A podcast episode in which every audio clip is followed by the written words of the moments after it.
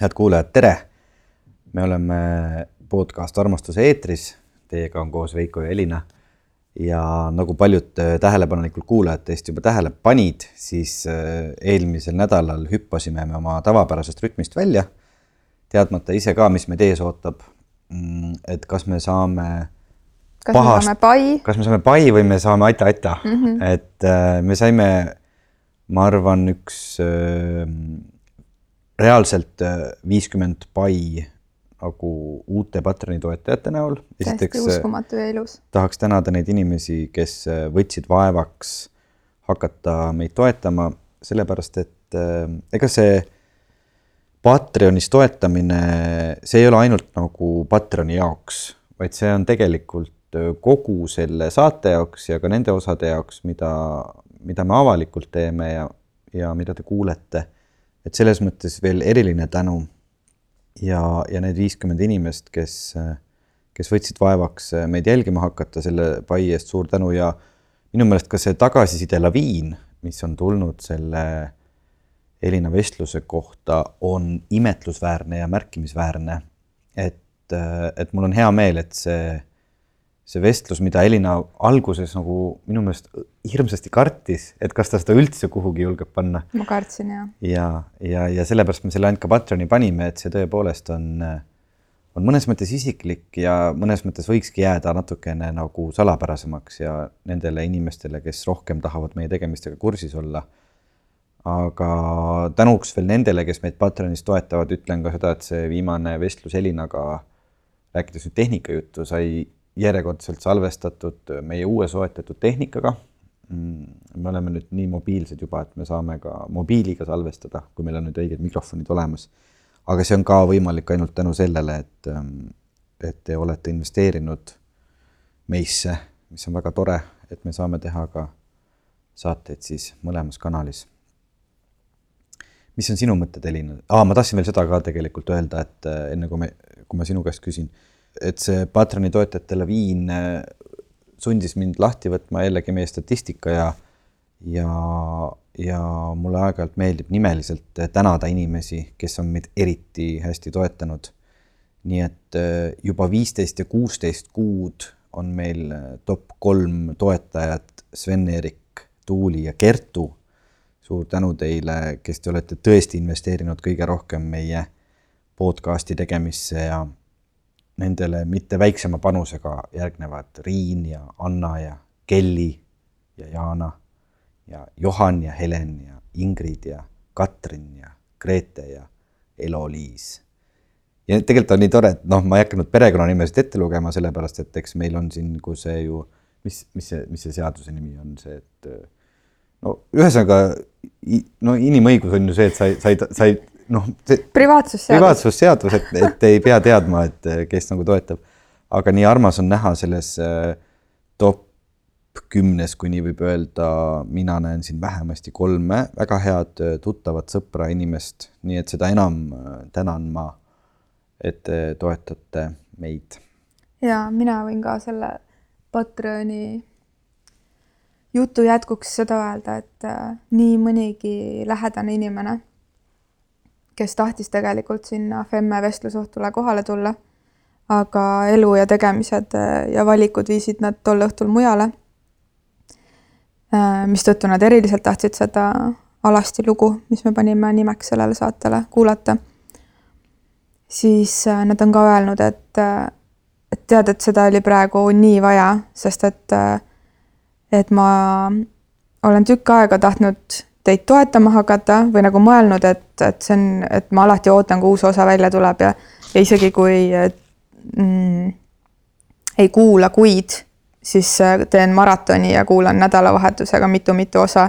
ja jälle tuleb meelde, et oh, võiks toetada, aga millegipärast nagu ei ole seda paari klikki teinud, et tõesti, tõesti ju minu elukvaliteeti kuidagi ei kahanda see, kui ma teid näiteks kolme euroga kuus toetan ja et see viimane saade, mille me lükkasime siis oma patroonidele kuulamiseks, tõi nad maa peale ja nad said aru, et, et suuga teed suure linna ja käega ei tee kärbsepesagi, kui, kui seda käega liigutust ära ei tee, nii et ma arvan, et kuidagi mõnusalt läks see, et mina tundsin, et mina olen aus endaga siis, kui, kui ma ei lase seda meie avalikku kanalisse ja, ja neile, kes tõesti meie tegemisi mm, oluliseks peavad, said ka viimase tõuke selleks, et meid toetama hakata mm.. ühtlasi ma tahan öelda ka seda, et äh, mida aeg edasi läheb, seda rohkem me Veikoga ka äh, panustame oma patroonidele. aga ma siiralt, siiralt tunnen, et äh, me ei pea tegelikult tegema seda, sellepärast et see Patreoni platvorm on tegelikult äh, lihtsalt üks platvorm kõigile, kes äh, tahavad meile raha keeles öelda, et aitäh, et te teete seda. ja mul on tunne ja ma ütlen seda nagu ilma igasuguse ülbuseta, et kõik need avalikud saated isegi ilma patroonide saadeteta on, on väärt seda, et, et meid toetada, nii et raha on energia ja meie ka koondame energiat, et äh, neid vestlusi omavahel Veikoga ja teiste ilusate, erinevate, eriliste inimestega teieni tuua, nii et päriselt, päriselt, päriselt aitäh, et sa lihtsalt äh, korraks oma fookuse ja tänutunde suunad sellesse ja teed meie Patreoni kanalis sellise liigutuse, et toetad meid, nii et aitäh. ja ja sa rääkisid siin äh, elukvaliteedi parandamisest. on sobiv hetk, sa võid korraks oma telefoni välja võtta, ma tahan veel ühte story't näidata. et äh, me oleme selle Patroniga ka niimoodi teinud, et kui meil midagi juhtub ja vaja on, siis me sealt endale soetame.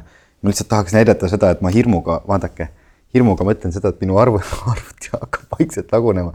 ma loodan nüüd seda, et ta noh, peab, peab kenasti ja kõvasti vastu aga kui nüüd peaks saabuma hädaolukord, siis mingi protsendi, kasvõi kümme protsenti, ma arvan, on, on ka see montaažiarvuti, mis meil on, saab sealt Patreonist lõpuks nagu toetatud, sest et praegu. fookus, fookus, fookus, fookus, praegu ta peab veel vastu. ühesõnaga suur, suur, suur, suur, suur, suur, suur, suur, suur, suur, suur, suur tänu teile. Sest et teie olete need, kes hoiavad seda podcast'i lisaks meile elus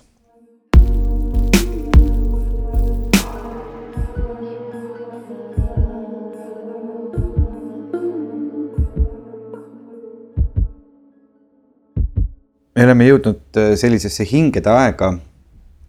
ja mul on sellega nii tore lugu. Äh, sest ma mõtlesin, mina elan ähm, Pelgulinnas ja seal on veel säilinud mõni üksik nurgapood. ja üks päev oli mul vaja kiiresti haarata poest äh, pakk piima ja noh, mul on täpselt niimoodi, et ma lähen väravast välja ja kohe keeran sinna ja on pood, aga see oli nüüd siinsama nädalavahetus, oli see suur torm ja tegelikult Tallinnas ei olnud äh, mingit probleemi. ma kohe ütlen, millega, aga ma lähen sinna poodi sisse, seal valitses hämarus. Seal põles üksik küünal keset seda letti. mõtlesin, oo, et äh, kas peetakse pühapäeval juba hingede päeva või on Halloween tulemas. ütlesin väga rõõmsalt, see on vist sihuke ukrainlasest või päritoluga poemüüja, selline räägib eesti keelt aktsendiga. ja esimene asi, ma ütlesin, et tere, et meil on elekter ära, aga kas te soovite midagi? ma sain aru, et järelikult pole ka kaardimakset ja ma ei saanud oma piima kätte. aga see tundus kuidagi nii müstiline, et ma mõtlesin, et kas, kas nurgapood on hakanud pidama hingede aega ja see, see pilt oli nii ootamatu, sest igal pool mujal ümberringi oli elekter olemas mm, -hmm. ainult selles keldris ei olnud. aga järgmisel päeval see oli ka olemas. kas äh, sina oled meesterahvas, mina olen naisterahvas. tõsi Äh, kas, äh, mitte et peaks kuidagi see olema sugude tõttu erinev, aga kas meestel ka tekib mingi selline asi, et, et kui see sügis tuleb, siis tahaks võib-olla panna õhtul küünla põlema või kuidagi nagu mingit häma, hämarust või videvikku pidada rohkem kui, kui muidu? No põhiline, mis minul tekib, on see, et ma tahaks tõmmata teki üle pea ja ärgata märtsi lõpus üles. et mul see karutunne tuleb peale mm. -hmm. aga see videviku pidamine on sul õige mõte, selles mõttes mina ei ole mingisugune Halloweeni fänn. aga küll ma kasutasin kaks päeva tagasi juba poes selle juhuse ära, et ostsin äh, selle väikse Halloweeni kõrvitsa ja, ja kohe uuristasin lastega koos sinna kõik need augud sisse, et saaks panna selle sinna kapi peale ja küünla sisse põlema ja panna tuled hämaramaks, et oleks ometigi põhjust seda, et et oleks, oleks õdusam, minule meeldib, kui pime aeg tuleb, et põleb kuskil küünal, et ma ei, ma ei salli neid suuri toa valgeid lampe ja eks see tihti näitab ka seda, et on tuba natuke segamini ja kuskil nagu jookseb ringi tolmurull, aga aga, ja ma ei saa rääkida enda nimel kui kõikide Eesti meeste nimel. ma arvan, et äh, minu puhul teeb äh, hingede ajal hubaseks selle, see kõrvitsas põlev küünal või aknalaua peale asetatud küünal, mis äh, hingi koju kutsub, aga mõne jaoks see võib olla ka Tänaku rallisõit ja vilkuv televiisor pimedas toas, mis seda teeb, et, et see on ka üks tore asi, millal ma just ennast avastasin, et et ma olen ikka nii spordikauge inimene, et ma lugesin selle, no mina ei vaadanud seda rallit, ma lihtsalt lugesin uudis läbi, ütlesin, aa, tore. terve maailm on seda täis, kõik seinad postitatud, inimesed, vaatasin videosid, kus nad jälgivad perekondadega, hüppavad rõõmust lakke, et see on nii huvitav kultuur, mis käib äh, ümberringi, millest mina kahjuks osaline ei ole, aga ma jälgin seda huviga sinnamaani jõudsin oma hingede jutuga, vilkuv televiisor. jaa, aga tõesti kuidagi see hingede aeg on äh, minule sobib ja ma arvan, et, et ka meie kuulajad on siin varsti võib öelda aastate jooksul võib-olla pisut-pisut-pisut meid mõlemat pisut-pisut-pisut meid mõlemaid pisut tundma õppinud. et, et mulle see sügise ja kaamuse saabumine istub hästi ja, ja see sissepoole vaatamine ja mis sest, et teisel novembril on hingedepäev, siis äh, minu jaoks ka kuidagi see oktoobri teine pool ja november äh, paneb rohkem vaatama äh, tagasi ja endasse. ja ma mõtlen oma esivanemate ja juurte peale rohkem. ja kuidagi selles, selles valguses sullegi teada andmata sõitsin ma ühel päeval linnast välja, et kohtuda ühe inimesega, kes on äh, väga palju kauem elanud kui mina siin elus. ja sellises natuke hektilises mõtete vahetuses me koos aega veetsime. nii et ma pean oluliseks seda, kust me tuleme, kes on meid siia abistanud ja, ja et kuidagi tänada meie juuri. Need on nii põnevad hetked alati, kui Elina käib kuskil ja ütleb, et ta rääkis kellegagi ta väga harva üleüldse ütleb mulle, kellega ta rääkis ja ulatab mulle lihtsalt selle mälukaardi, et palun, pane see oma arvutisse ja kuula, et mis tundeid tekitab. Ja ma veetsin täna hommikul päris mitu tundi teiega koos selles kohas ja ma ütlen, minu jaoks isegi kõige suurem võlu on see, et ma kuulen asju, mida meie kuulajad kuulda ei saa. ehk siis ma kuulan kogu seda mm, vestlust oma aeglases kulgemises seda, kuidas äh, inimesed äh, panevad salvestajad püsti, kuidas teed tehakse, kuidas äh, külalised käivad ukse taga koputamas, kuidas astuvad inimesed sisse ja ja kuidas on pausid ja mõtted ja, ja see on nii põnev, ma just üritasin kujutleda seda kohta, kus see teie vestlus toimus, kas sa tahad sellest natukene rääkida lihtsalt selles mõttes, et luua see pilt.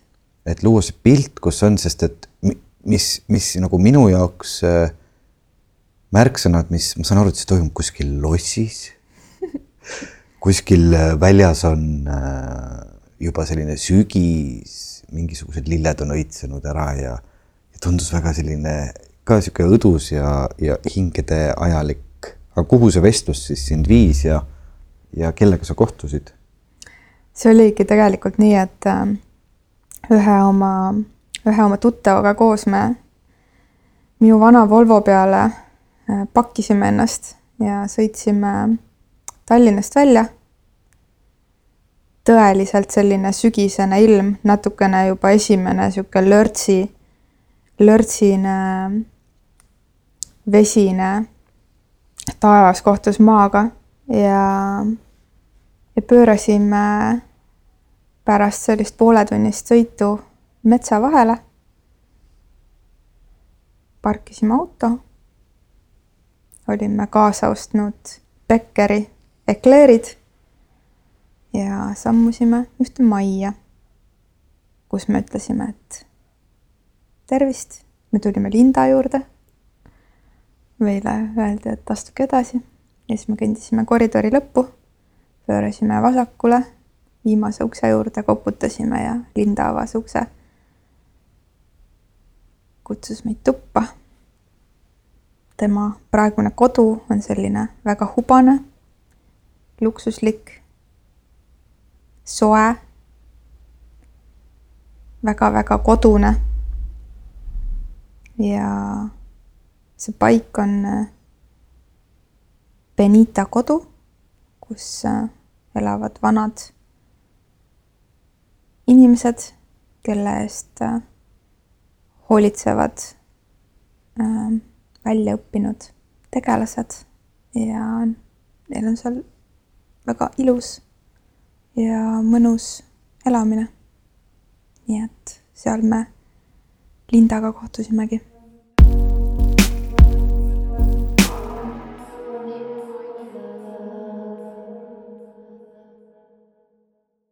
aga ma ütlen siin vahepeal, et äh, meie kuul-, kuulajatele, et kuna, kuna me täna siin sügisel tulime, sõitsime Tallinnast välja äh,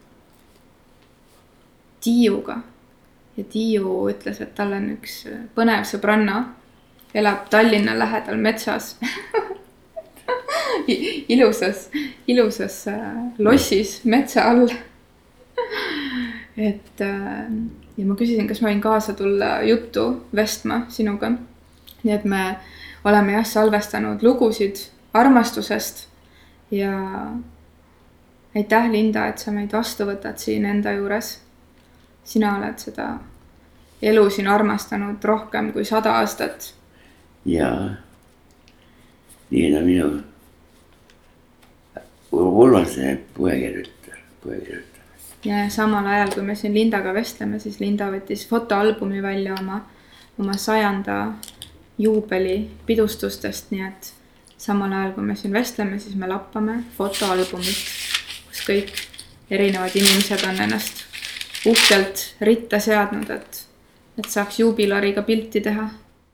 no vot, niimoodi meil see olemine seal pihta hakkas, et äh, Linda tõstis endale sülle suure paksu fotoalbumi, mis on äh, täis fotosid tema sajanda sünnipäeva pidustustest. ja ma tegin ka meie kuulajatele mõned fotod, nii et me paneme need patroonidele ülesse äh, fotod Linda albumist. see on täiesti uskumatu, kui hot Linda välja näeb. ta on täielik diiva Madonna, ta on lihtsalt naine, kaunis, särav, nagu mingisugune esileedi äh,. täiesti vaimustav näeb välja ja ma ei teagi, milline üks sajaaastane inimene siis välja peaks nägema. aga minu jaoks näha Lindat sellises vormis saja-aastasena on ikka täiesti, täiesti uskumatult äge. ja, ja meie kohtumine seal Benita kodus oligi täis selliseid hüplikke mõttesähvatusi juhtunust, tema elust. nii et äh, järgmiseks äh, laseks siis momendi sellest, kuidas äh, Lindal, kes oli sada aastat vana. täna on sada üks, kuidas temal kosilane käis oh,? teate, läheb kui armastusest rääkida. nii. siis on nii, et saja ühe aast-, saja aastane naine saab ka omale peenimist leida mm.. Ja see, sina nägid teda? keda? ma Peigmeest, jaa. Peigmeest saja, mina olen saja aastane, tema on kaheksakümmend. juubelil. ja, ja tema mõtles, et, et kui vana küsib minu käest, kui vana ma olen mm. -hmm. ma ütlesin, et ei ütle see miks? ma ütlesin sellepärast ei ütle, ma võin olla kuuskümmend, kui tahate, võin seitsekümmend, kaheksakümmend, üheksakümmend, aga sada või sada ei lähe. ja, ja Hakkasid naerma, ma mõtlesin, no nüüd jätab mind rahule. kus sellega? vot tead, see raamis, raamis on pilt. jaa. ei, see, seesama seal, see pilt. mina, mina hakkasin, tulin kirikust, tulin, hakkasin ära minema, välja minema ja äkki uks läheb lahti, uks läheb, uks lahti ja tuleb sisse, suur lillepunt käes. äkki mulle, ma tõin, tõin sulle lilli. ma ütlesin, et see on väga armas ju, mulle nii meeldivad. ütlesin, aga kas ma võin pildi ka sisse teha? ütlesin jaa. ja siis tegi pilti ka, ütles, et kas ma võin ühe potsupõsele anda? ma ütlesin jaa. andis potsupõsele ja, ja mul on üks, üks pilt, kus koos me istusime, kontserdi aeg oli tema minu kõrval mm -hmm. ja mina ei teadnud, kes tema on. ja tema siis, see tema Dakota Annalis läks koju. Lasi, kuidas see pildi sai, kus me kahekesi istume kõrvuti. ja taha oli kirjutatud, et Terje tõi mulle ja taha kirjutatud, et, et andke see edasi, palun andke seda edasi Kanada prouale nii palju teadsime Kanadas. ja, ja ta, ta, ma läksin hea meelega üle, meile külla tuleks. et kõik, kõik oleks kaetud. selle aasta naise noh. No mis sa mõtled selle kohta? romantika. no vaat kui huvitav pilt. ja siis oli, et äh, kuna sa sünnipäev oled, mõtlesin, et. et ega ma sünnipäeva ei pea. ta ütleb, pead küll ma ütlesin, kust sa tead? ta ütles, ma tean, et ma tulen ka.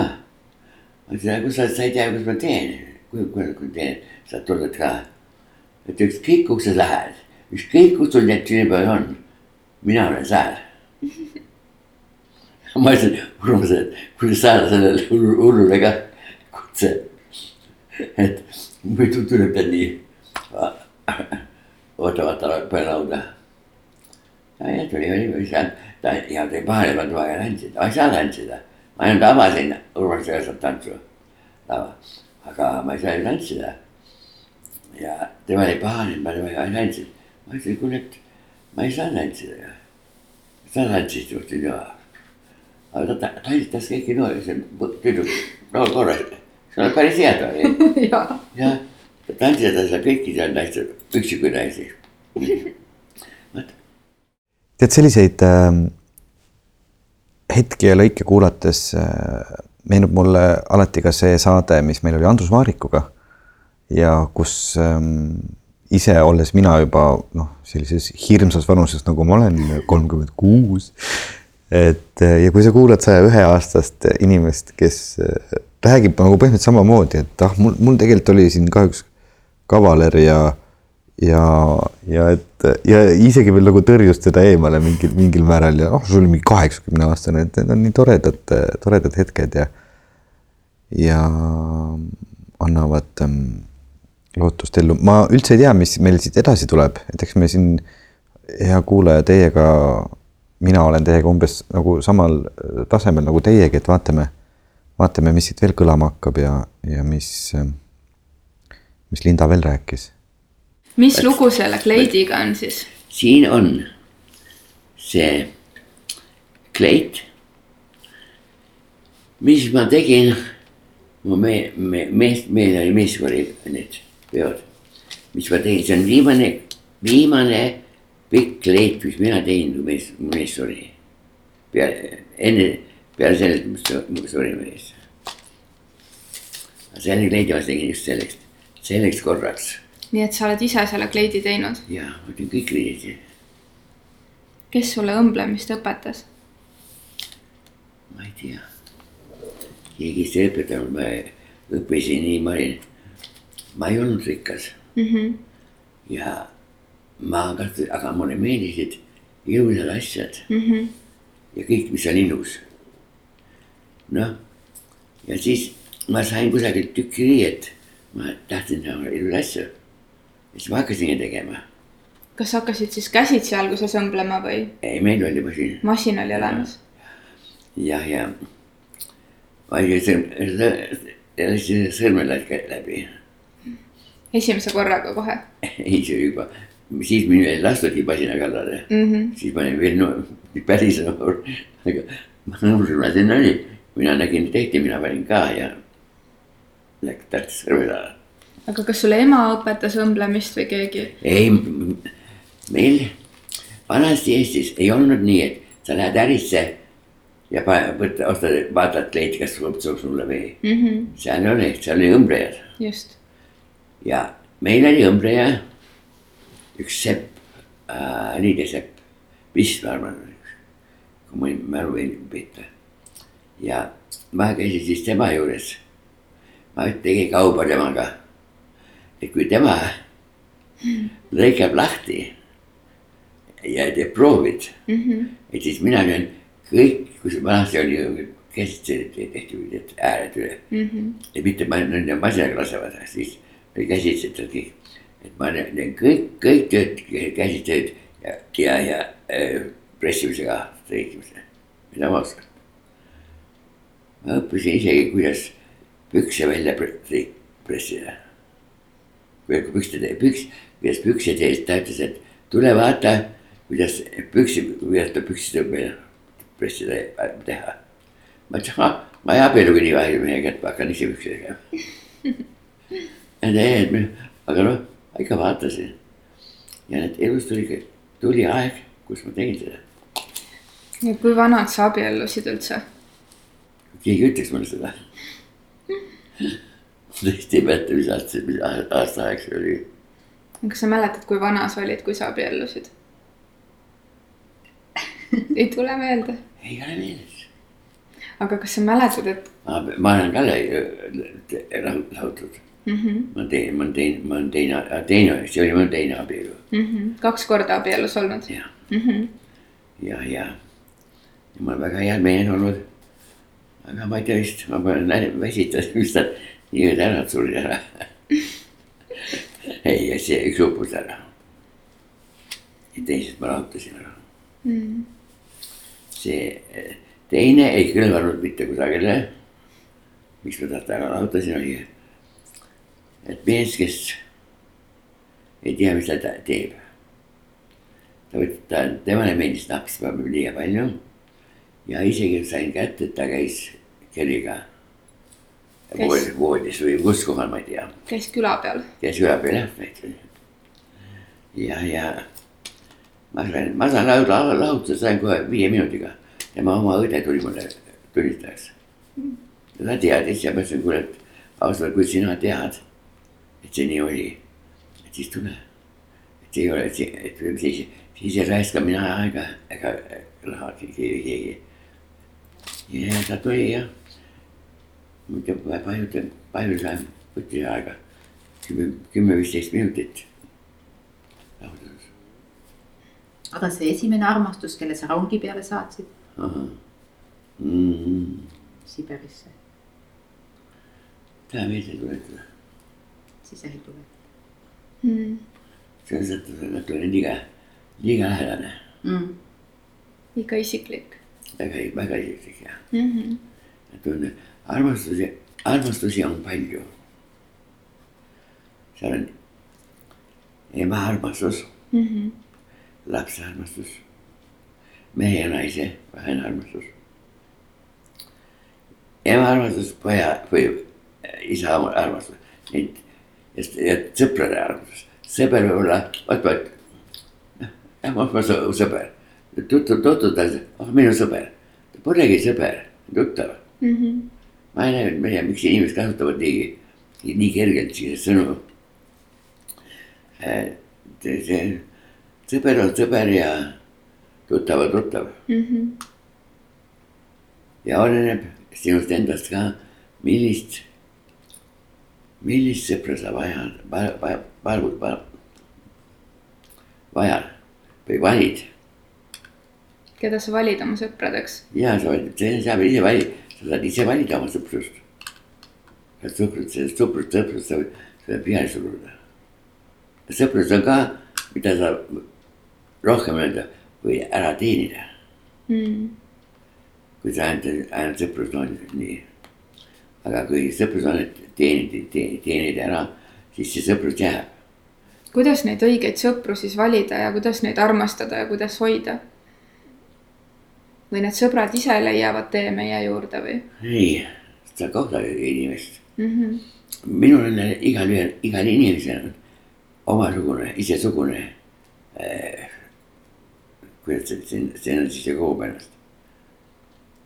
mina vaatan, inimene tutvun, aga mul on kohe nagu antud tunne. sisetunne. ühe inimese vastu. nii, nii, nii ongi minu kõigi nende eh, sõprusega, et ma pean tunnetama mm -hmm. midagi Mm -hmm. kui mina tunnetan midagi ja see, need tunded on õiged, siis vaatab nagu ära teenida. alul on kõik nii väga, aga siis lähebki lähemaks juba kauem. Ja siis näed, see on õige sõprus Mm -hmm. mul see, mul on üks kaart. mis Silvi saatis mulle, sõprus, sünnipäevaks.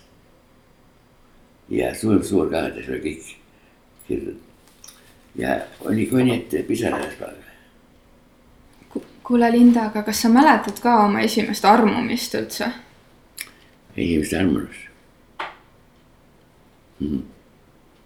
Kas see oli koolis või, või lasteaias või hiljem või millal? kus me tutvusime, kus me tutvusime, ei tea. meil oli Eestis tol ajal oli ka teetuleid pidu mm. -hmm. naised ühed süstisid pool ja tüdrukud teisel pool istuvad, eks ole.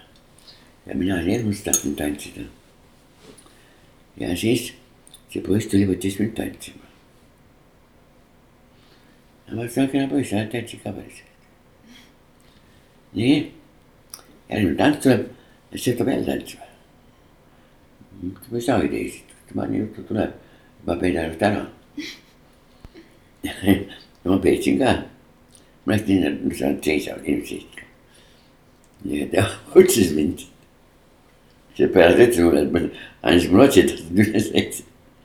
see oli, kuidas ma ütleksin, noorepõlve ja õigi esimene armastus. Mm -hmm. ja nii see esimene armastus tavaliselt jäävad inimesele nii hingesse ja niisama sama ka mul oli. ma, ma palju ei tahagi sellest mõtelda, mõelda sellest ega rääkida sellest, kuna mulle tundub, et on liiga lähedane mm.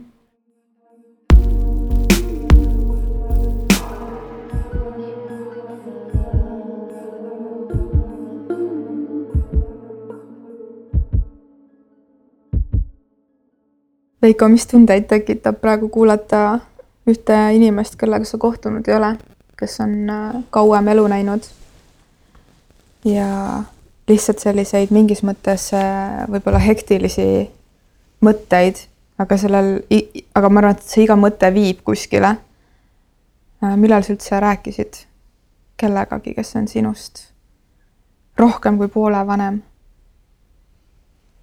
seda vestlust täna juba kodus hommikul kuulates ja nüüd ka praegu kuulates mõtlen ma seda, et me nii häbiväärselt vähe süveneme eakatesse inimestesse ja kuulame nende mõtteid, sest et et eks nende mõtted hakkavad ka ju pudenema kildudeks vaikselt, et et just selliseid vestlusi kuulates mõtlen, et näed, et huvitav, kui me oleks rääkinud Lindaga siis, kui ta oli veel kaheksakümmend või, või seitsekümmend viis.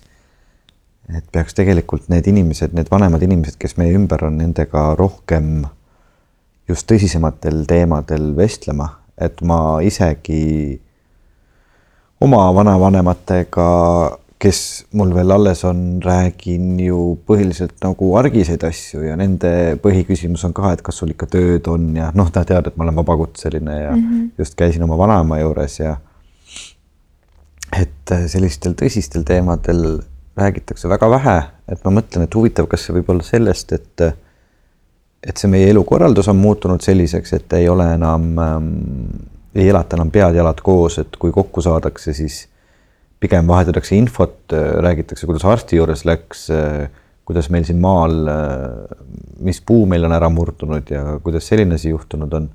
aga kui sa küsid, küsiksid näiteks minu käest seda, et kas ma tean, kuidas mu vanaema ja vanaisa omavahel kohtusid, siis ma ütlen, et ma ei tea.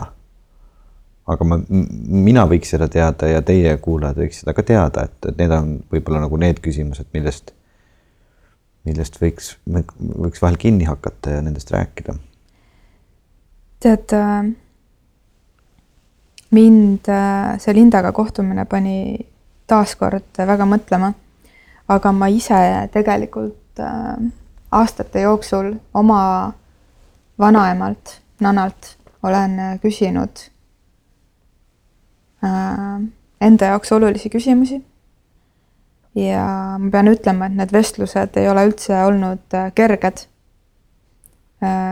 kummalegi poolele, sellepärast et tema on pidanud sellest mugavustsoonist välja astuma, kus, kus ta saab asiseid äh, vastuseid anda ilma või, või selle kohta, kus reha asub maal või, või kuidas ähm, kummikud on vaja välja vahetada või, või kas minna see kell aiamaale või, või seal see ümber istutada. et ma olen küsinud tegelikult äh, armastuse kohta küsimusi ja kõike ja ma ilmselt äh, nende küsimusteni ja julguseni küsida jõudsin äh, oma elu ja mustreid harutades. et kui minu abielu hakkas lõpule jõudma, siis äh, ma vaatasin üle oma suhtemustrid aga ma tahtsin ka teada, millistes mustrites ma olen võib-olla alateadlikult jätkanud oma suguvõsa mustreid.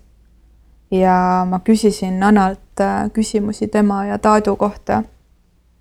miks nad kokku said, miks nad kokku jäid, miks ma pole neid kunagi näinud suudlemas. ja kas on olnud veel armastusi, armumisi, hetki, miks sellised valikud ja ma tean, et tal oli väga raske vastata nendele küsimustele. ja need tõid mulle nii palju selgust. ja tead, mis need veel tõid? Need vastused ja see vestlus. Need tõid mulle julgust elada oma elu oma tõe järgi. nii et äh, ma tõesti soovitan, kui keegi on selles elus ette võtnud või ette võtmas oma, oma mustrite korrastamist. sest mis see mustrite korrastamine on, see on see, et äh, see on seesama teadlikkuse teema, mida ma nii palju vatran teetseremooniatel, naistelaagrites, oma kirjutistes, et et need mustrid ei elaks mind, vaid et minul oleks voli valida. kas ma tahan seda mustrit korrata, milles ma olen olnud, sest see toetab minu elamist ja valikuid, või ma lasen sellest mustrist lahti, et luua uusi mustreid siis ma arvan, et äh, miks tihtipeale inimesed neid vestlusi oma vanavanematega või vanematega, vanemategagi ei pea, ongi see, et see nõuab mingisugust seda argisuse ületamist. Et me ületame mingi selle mugavuse piiri, et ei ole see, too see leib sealt, anna see siia, aitäh, palun, mis ilm on, aken, uks lahti, kinni, nööbid ette, lukk mis iganes, mingid siuksed parem-vasak teemad. vaid sa tõesti pead võtma aja. ja see on ka alati seotud siukse ruumi loomisega, et millal on see õige hetk, on ju, selleks vestluseks. Ja kuna seal on mingi teatav hulk ebamugavust vaja ületada, siis me tihti lükkame edasi või et ah, järgmine kord. aga see võibki juhtuda, et, et seda järgmist korda ei tule. Et neid inimesi üks hetk enam ei ole, et neid küsimusi nendelt inimestelt enam ei saa küsida. Mm.. nii et minu jaoks see Lindaga kohtumine on olnud äh, taaskord üks suur, suur meeldetuletus, et oma lugu omast tões jätkata mm. -hmm. sest et äh, me olemegi harjunud, mm, õigemini me oleme mitte harjunud armastusest rääkima, eriti oma eelnevate generatsioonidega, sest et sellepärast me põgeneme nendesse argiasjadesse, kummikutesse ja lehtede riisumisse ja muusse sellesse. kas kuulame mõnda katket veel, mis teil Lindaga salve sai? kuulame. Linda, aga ma küsin veel armastuse kohta, et mis see, mis sa arvad, sa oled nii palju elu näinud ja tundnud ja kõike kogenud, näinud enda lugu ja teiste lugu, et kuidas meil selle armumisega nii on, et me niimoodi ära aga pöörame? tänapäeval seda ei olegi. kas tänapäeval on, on armastus? ma arvan, et on ikka. väga vähe. miks? ema, ema armastus võib-olla kõige rohkem. Aga kui olid noored, neil oli armastus, nad hüppavad ühes voodi, teise voodi, kolmanda voodi. Läheb ja eh, nagu Siim Vahasel ükskord oli see kinniste uste taga vist. ja käib emad, annab raha, ema annab raha ja sellega saab poisi, boyfriend'i, poisi, beebi juurde sõita. ja kui ema raha enam ei andnud, ta võttis võlgu ja läks ikkagi. Ja mis müüs ära, mis see müüa, äramüüja on? no mis see armastus see on? no see on üks lugu, lugusid on erinevaid, on ju. jaa. aga muidugi on, on kus lugusid. kes see oli? ma ei tea isegi, ma ei tea isegi enam, kes see oli.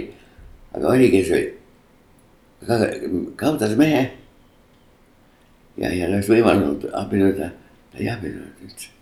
Käinud kiriga, ta käis, seltskonnas käis küll ja, aga mitte nii äh, suurises mõttes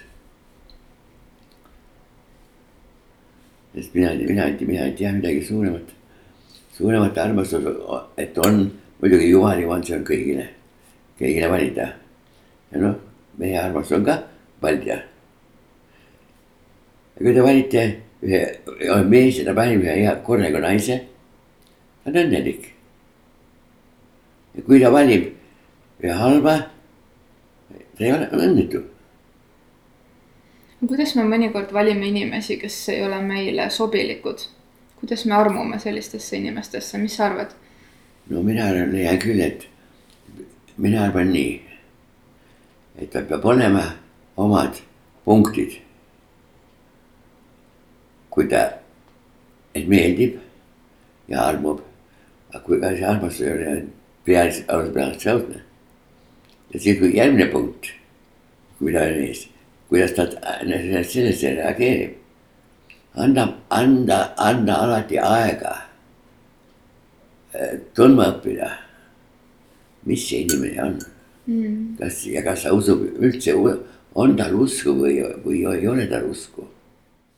selle vestlusega meenub mul see, kui meil mõned kümned saated tagasi käis külas äh, Sander Rebane ja vaata, me tegime temaga seda lavastust Ei tao ja seal on üks jutt, äh, üks salvestus tema vanaemaga, kes räägib äh, samamoodi armastusest ja kes nagu Lindagi siin ütleb, et mis see tänapäeva noorte armastus on, et nad ei tea armastusest mitte midagi, et üks on ühega voodis, teine on teisega voodis. ja sellega ma mõtlen ka, et vaata, meil on see põlvkondade vahe on nii suur, et see nägemus sellest kõigest, mis asi see armastus on, on ka natukene juba ajas muutunud. et ma siin ei heida ei Lindale, ei Sandri vanaemale midagi ette ja, ja kindlasti ongi tänapäevane põlvkond võib-olla natukene rohkem frivoolsem, kui, kui see nende ajal oli. aga, aga see ongi ikkagi kummaline, kuidas vanemad inimesed nagu mõtlevad armastusest võib-olla natukene teistmoodi, kui meie praegu siin mõtleme, et omal ajal oligi nii, et, et sa leidsid selle, no võib-olla valik oli ka väiksem, aga et noh, mehed, kui see oli siis nagu hea mees, siis olid tore, pidasid temaga vastu need nelikümmend aastat, noh, kui oli halb mees, siis ikka kuidagi nagu palju mustvalgem võib-olla, kui ta praegu on. ma, sa saad aru, kus ma tahan jõuda, aga mõistan. ma lihtsalt ei oska nagu võib-olla nii hästi sõnastada seda. ikka oskad, lihtsalt ja. Äh, see, ma tegelikult arvan, et me pole nii erinevad ka mm, -hmm. et see essents või need igatsused on hästi sarnase koha peal.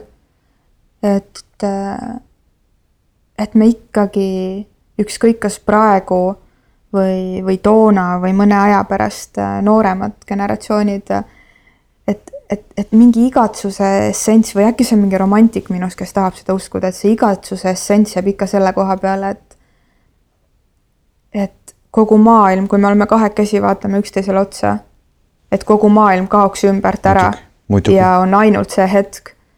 Äh, ja pole vahet, kui nagu futuks maailm on läinud või nagu noh, ma ei kujuta ette, mis see next, next generation mobiiltelefonid või muud pad'id või asjad on. või, või kui, kui nagu virtuaalne see olemine tegelikult saab olema. Aga mingi see igatsus kuskil sees, seda päris, päris kuidagi connection'it ilma device ideta äh, saada või see molekulaartasandil, äh, mida hormoonid teevad armumise aeg, et see tunne on ju, mis keha üle võtab Äh, ja kogu maailma ümberringi välja lülitab. et see igatsus on olnud viiskümmend aastat tagasi samasugune, nagu see on praegu mm. -hmm. Võib-olla see, mida Linda mulle meelde tuletab ja, ja jälle mina ei anna Lindale hinnangut, et ainult imetlusega kuulan tema mõtteid ja ja, ja sätitan oma maailmapilti, et, et võib-olla mitte hinnanguid anda ei Lindale, kuidas kunagi oli mitte Lindale, vaid ka meie vanavanematele mitte hinnanguid anda, et miks nad siis olid koos selle inimesega terve elu, kui nad justkui polnud õnnelikud, on ju. Et alati kõik need hetked ja otsused tuleb sätitada mingisse konteksti, mis toimus maailmas samal ajal, mida on teinud sõda emotsionaalselt ühe inimesega, kes vajab turvatunnet, kes, mida tähendas mis, kodu toona, et kuidagi nagu, et see situatsioon asetada toonasesse konteksti või praegu siis armumise situatsioon asetada sellesse konteksti hinnanguid andmata, vaadeldes kuidas me inimesena aegruumis äh, äh, muutume. ehk et ma ei saa kindlasti öelda, et ei ole tänapäeval äh, olemas armastust või, või armumisi. ja võib-olla see kuidagi mingid väiksed nöpsud, mis Linda siit välja tõi või, või tema, tema siis kuidagi hetkeline vaade sellele kõigele teeb mind pehmemaks või? Et äh, ma annan talle rohkem asu, annan endale rohkem asu ja ma nii väga siiralt loodan, et äh, aegu hiljem äh, ma oma, oma lapsed ja lapselapsed ka jätan vabaks hinnangute andmisest. ja mulle tegelikult natukene tekitab ka hirmu see Linda jutu kuulamine sellepärast mis meil praegu siin toimub äh, maailmas. Ja kui ma mõtlen selle peale, mis umbes võiks olla kümne või kahekümne aasta pärast, et see võimaluste paljusus tegelikult, mis meie ümber valitseb, võib lõppkokkuvõttes äh, muutuda väga painavaks, et ma mõtlen, et kuivõrd palju rahulikum võis olla omal ajal see armumine või armastuse otsimine, kui ta on tänapäeval. Selles mõttes, et me, ma noh, ma ei räägi endast, ma ei räägi sinust, aga aga üleüldse ühiskonnas väga paljud inimesed, äh, see rahulolematus selle armastusega või armumisega, mis neil on, võib neid viia selleni, et nad ei leiagi kunagi kuskil asu ega püsivust. ja, ja see hetk, kui sa siin vahepeal ütlesid, et ei tea, mis meile tulevik tuua võib, siis äh, noh, natukene võime ju fantaseerida, et ma lugesin siin üks paar nädalat tagasi uudist, et järgmine suur asi, mis tõenäoliselt nagu Apple'i poolt välja tuleb lähima kahe-kolme aasta jooksul, on siis liitreaalsuse prillid, mis siis tähendab seda, et, et sul on küll telefon taskus, aga, aga sul on ees juba ka prillid, mis suudavad sulle siis kuvada sinu nägemisalasse juba informatsiooni, mis võib lõpuks viia välja kümne aasta pärast selleni, et kui sa lähed kuskile seltskonda ja kõik maailma inimesed on juba mingis andmebaasis vastanud igaüks saja viiekümnele küsimusele ja sa nagu kohtud esimest korda inimesega ja sa näed juba, mis on teie nii-öelda matching protsent ehk siis tere, minu nimi on Karl ja siis sinu prillid näitavad tema pea kohal numbrit viiskümmend üheksa protsenti. ja, ilma seda, et oleksite mingit vestlust pidanud, ilma selleta, et teil oleks tekkinud omavaheline keemia, otsustab juba su mingisugune andmebaas või virtuaalsus ära sinu eest, teeb selle tehte ära ja ütleb, et see teie protsent on viiskümmend üheksa, et ise tead, kas sa lähed siit edasi või ei lähe. mis on, ma kahtlustan, et see on selles mõttes on tulevik, sest juba tänapäeva need äh, telefonis olevad äh, date imisäpid teevad seda et äh, annavad sulle kas protsente või tärne, kuidas on sinu sobivus selle inimesega, teadmata tegelikult, kuidas te omavahel sobite, olles lihtsalt vast-, vastanud inimesest mingi standardküsimustele. et natuke on see hirmutav, et kuhu see tulevik võib meid viia ja noh, eriti ma hakkan mõtlema selle peale, kui ma kuulan vanemate inimeste juttu ja võib-olla ma ise siis äh, viiekümne aasta pärast, kui ma siis olen kaheksakümmend kuus, loodetavasti on arenenud, ähm, oleme me arenenud sinna, et ma elan umbes üheksakümneni, noh, eile vaatasin Ringvaldit, seal lubati, et Eesti mees nüüd juba tänapäevases vanuses võib elada too hetk peaaegu üheksakümneni. annan ka kuskil kellelegi intervjuud ja ütlen, et oi, tänapäeval see kõik see. No vot, ma tahtsingi siia lõppu veel öelda seda, et ähm, et see Linda, hetked Lindaga panevad mõtlema ka selle peale, kuidas äh, meie sajaaastasena mm -hmm. võime siis äh, tahtmatult või teadlikult charge ida oma lapsi või lapselapsi ja öelda, et, et meil on midagi päris või, või et neil ei ole. Et see on natuke ka nagu see mood, on ju, et kuidas me naerame mingeid asju, kui me vaatame fotosid, et kuidas te nende riietega käisite või ihihiahaha, võib-olla mood on nii äh, kiireid neid äh, siukseid mm, tagasivaateid teinud siin viimaste kümnendite jooksul, et, et mingis mõttes on kõik ajastud nagu läbi käidud juba ja enam tegelikult ei ole midagi võõrast äh, ei varateismelisele äh, ja kentsakat äh, moe mõttes, et võib-olla see pole hea näide, aga jaa, tead, ma tunnen praegu, kuidas ma olen nii rahulikuks jäänud mm -hmm. siin diivanil, et kui me hakkasime siin kallasin meile tee välja ja me hakkasime kuulama, siis ma olin natuke sihuke äksi täis ja sihuke oh, tore sind näha ja, ja nii tore, et sa selle Linda, Linda materjaliga tutvusid ja praegu lihtsalt ma kuidagi sulan mingisuguseks rahuks. Mm.. ja ma tunnen, et nagu kõik hinnangud, mis mul üldse võivad kuskil millegi suunas olla ka nagu sulavad nullpunkti. Ja mis, mis mõte mul veel äh, tuli seoses sellega, selle jutu kuulamisega praegu on see, et mida ma olen ka viimasel ajal tähele pannud, ma ise no sellest, et mul ei ole aega sellega tegeleda ja tegelikult ei ole ka huvi ka, aga mida ma näen, on pealkirjad internettides, internettides, no selles ühes konkreetses internetis, eriti Facebookis, mis viskab mingeid asju ette et ma mõtlen, et ka vaata nende vanemate inimeste pilt kujuneb ka ju tegelikult läbi televisiooni ja meedia, mida neile seal näidatakse. ja mingi see saade on see Rannamaja, eks ole. ei ole kunagi vaadanud. no mina ka ei ole vaadanud, aga pealkirju mul ikkagi ette tuleb, ma saan aru, et seal on juba on, eks ole. see on saade või mis see on, seriaal või mis? ei, see on mingisugune, see on nagu reality okay.. ja, ja see on niisugune suhtesaade jälle ja mingid inimesed on kuskil rannamajas koos ja juba, mhm. kes eksis kellega ja mingid videod on sellest ja ühesõnaga õudne nagu aplaava toimub. see on Eesti oma või? see on Eesti oma okay. jah.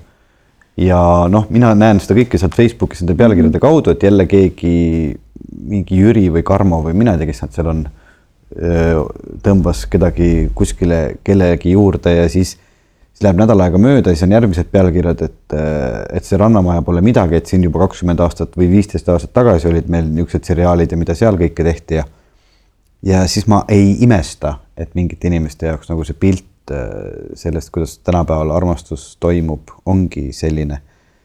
muidugi ma peaks ja võiks, võiks teha seda, et nagu tutvuda selle materjaliga selle dokumentaalsaatega Rannamaja ja kõike muuga, mis meil pakutakse, ma üldse ei taha.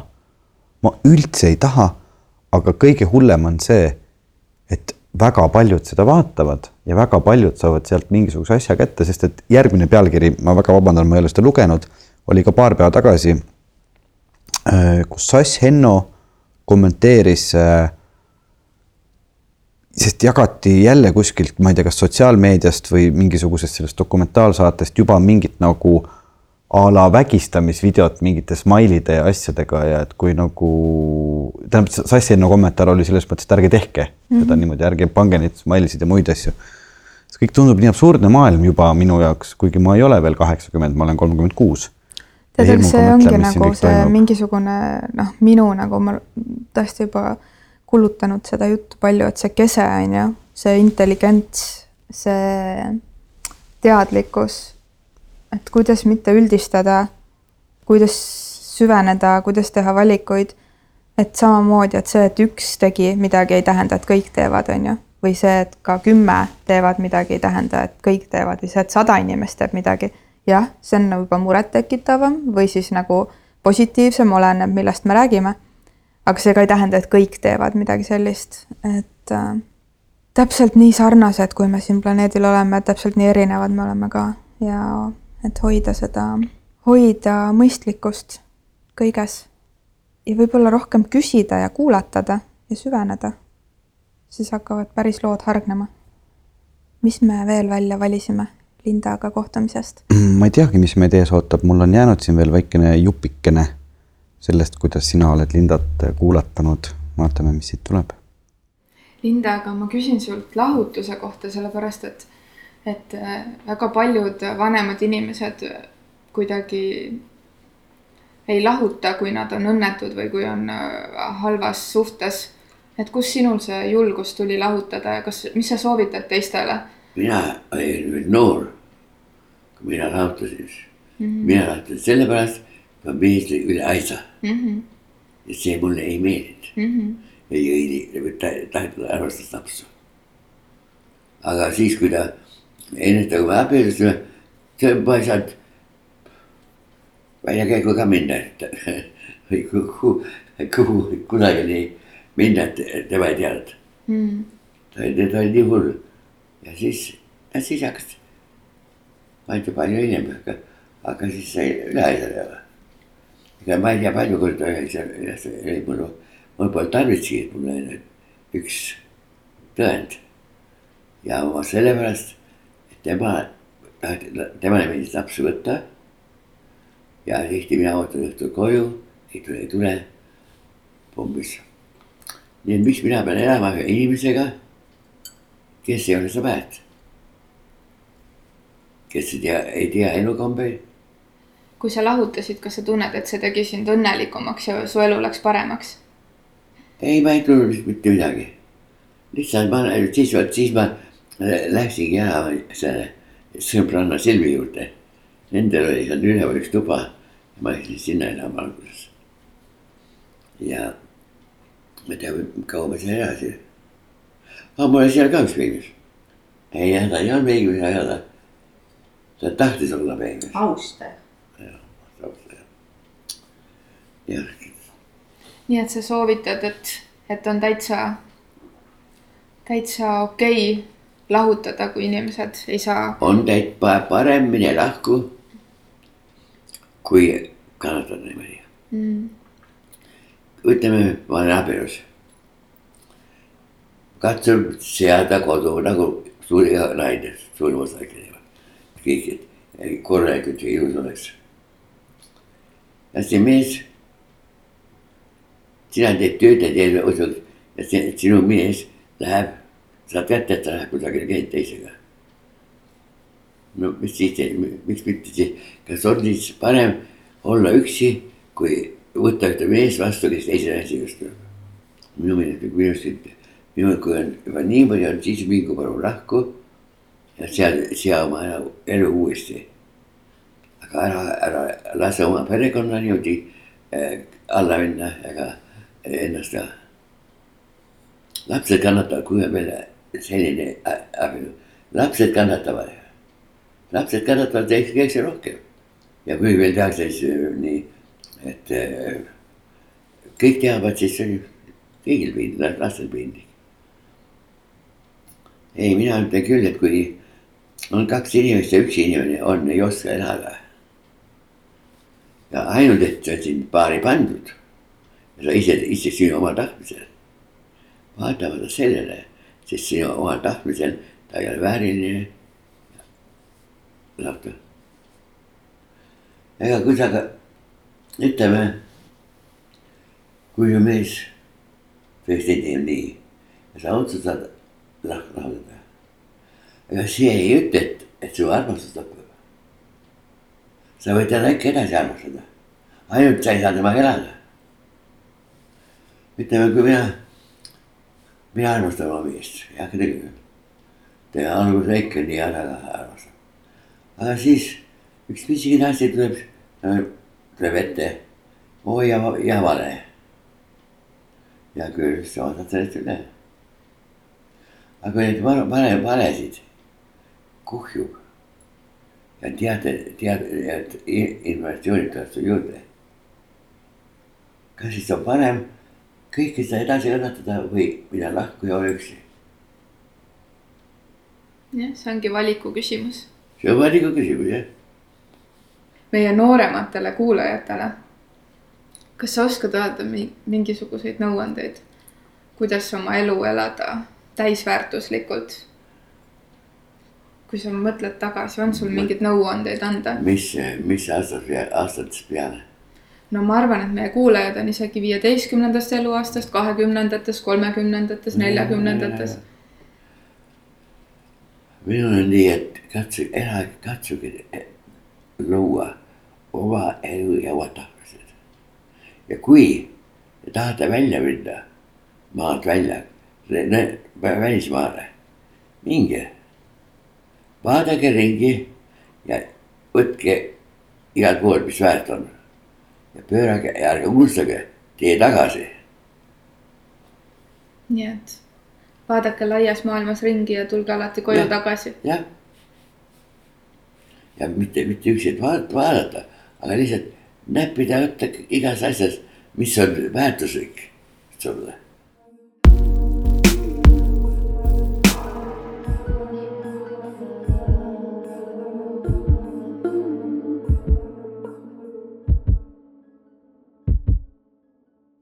nii et äh, selline kohtumine on äh, mahtunud minu kaks tuhat üheksateist sügisesse. mis sa sealt kaasa võtsid siis?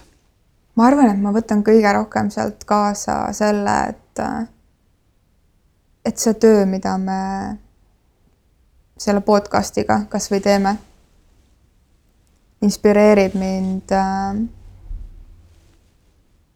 veel rohkem kohtuma erinevate inimestega ja kindlasti järgmise aasta sisse mahub kohtumisi veel eakate tegelastega, et salvestada olulisi lugusid aegade tagant. et meil kõigil oleks võimalus võrrelda kunagist ja praegust. ja arvata või mõtiskleda või unistada, kuidas need tulevikupildis kokku kõlavad või mitte. nii et on üks suur äh, tänutunne ja ma arvan, et siin hingede ajal on äh, see saade mõnusaks meeldetuletuseks oma esivanematega ka rohkem päris juttu teha. ja kui teil on mõni jutukas vanaema või vanaema, keda meile ette sööta. Vanaema või vanaisa või vanaonu või, või vanatädi või... või keegi, mm, kellega te olete ise nendel teemadel rääkinud ja kes on vapper nendest rääkima või, või kui keegi tahab lihtsalt kasvõi ise salvestada midagi kellegagi ja saata meile, siis väikest kaastööd teha. Siis me oleme avatud igasugustele mõtetele ja pakkumistele.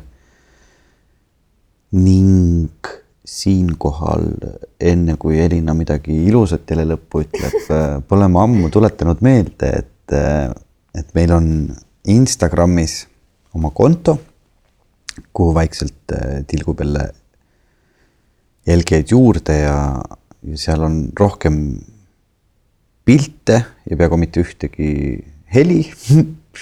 Et see ongi selline pildi ja sõna koht, et minge jälgige meid palun seal Instagramis leiate meid üles märksõna alt podcast armastusest. nii et tänase salvestuse kohta lähevad ka Instagrami story desse mõned videod minust ja Veikost ülesse mm. -hmm. ja ma jagan seal ka Linda juures tehtud videosid salvestusest, nii et seda saab ainult Instagrami vahendusel, kellel huvi, siis tulge piiluma. aitäh, et olete päriselt ja veel hüpe eelmisesse nädalasse. et äh, te väärtustate meie tegemisi ja meie väärtustame väga teie olemasolu ja toetust ja ei võta seda üldse iseenesestmõistetavalt. aitäh teile! kohtume varsti! ilusat karget sügist!